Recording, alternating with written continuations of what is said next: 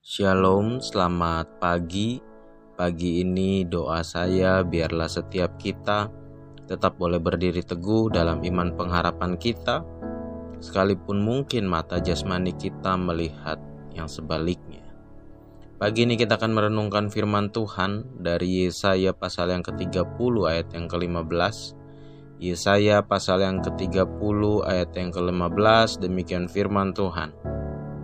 Sebab beginilah firman Tuhan Allah yang Maha Kudus, Allah Israel. Dengan bertobat dan tinggal diam, kamu akan diselamatkan. Dalam tinggal tenang dan percaya, terletak kekuatanmu, tetapi kamu enggan. Menurut National Institute for Occupational Safety and Health, atau biasa orang memanggil menyingkatnya dengan kata NIOS, di Amerika, beban maksimum yang dapat diangkat oleh manusia, baik pria atau wanita, adalah 27 kg. Namun pada kenyataannya, manusia dapat mengangkat beban 6-7 kali dari berat badan mereka. Bahkan sejarah mencatat seorang olahragawan bernama Eddie Hall pada tahun 2016 mampu memecahkan rekor dengan mengangkat beban seberat 500 kg.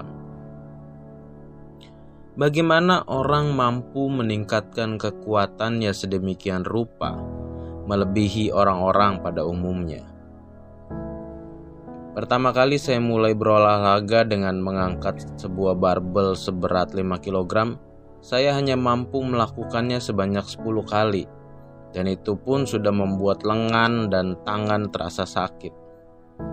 Namun beberapa minggu kemudian, saya mampu melakukannya sebanyak 15 kali dan terus meningkat dari waktu ke waktu. Artinya, untuk menambah kekuatan tubuh jasmani kita, kita perlu latihan yang konsisten dan terus-menerus. Pertanyaannya adalah, Bagaimana dengan kekuatan rohani kita? Bagaimana dengan kemampuan kita bertahan dalam berbagai pergumulan dan tekanan hidup yang memang menjadi bagian dari proses hidupnya kita?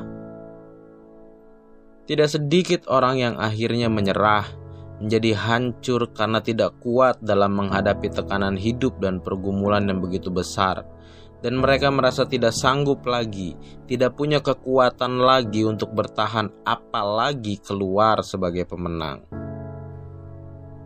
Daud pernah sampai pada titik nol, menangis sampai tidak bisa menangis lagi ketika Ziklag dibakar dan keluarganya ditawan musuh. Yunus pernah marah dan menyerah. Ayub pun pernah bertanya tentang keadilan Allah, dan masih banyak tokoh-tokoh Alkitab lainnya. Bagaimana cara mereka menambah kekuatan mereka di tengah penderitaan yang mereka hadapi, bahkan akhirnya keluar sebagai pemenang? Perikop pembacaan kita hari ini menunjukkan bahwa dalam tinggal tenang dan percaya terletak kekuatanmu. Kata tinggal tenang dalam bahasa aslinya memakai kata sakat yang sebenarnya lebih tepat diartikan seperti kata yang digunakan dalam Alkitab Indonesia terjemahan lama yang memakai kata berdiam diri.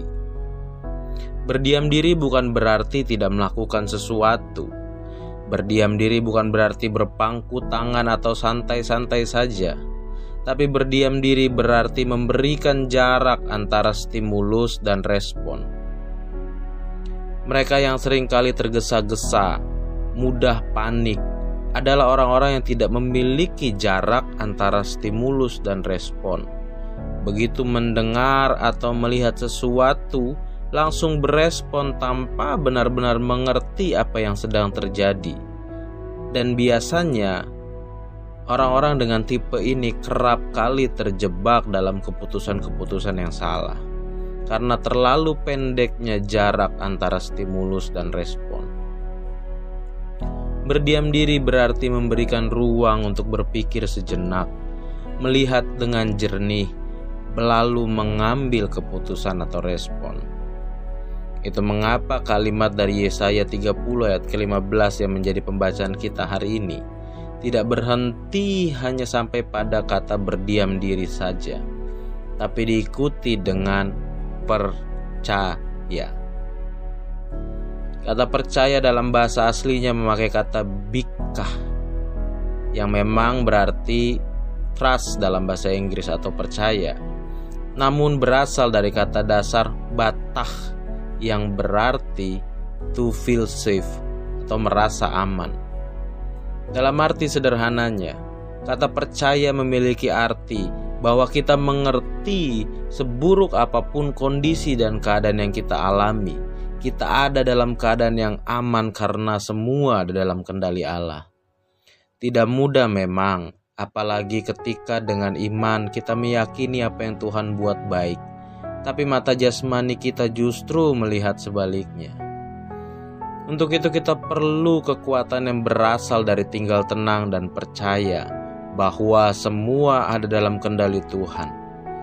Yang akan menjadi landasan berpikir kita, yang akan memberikan kita kekuatan untuk mampu bertahan, bahkan keluar sebagai pemenang dalam kehidupan.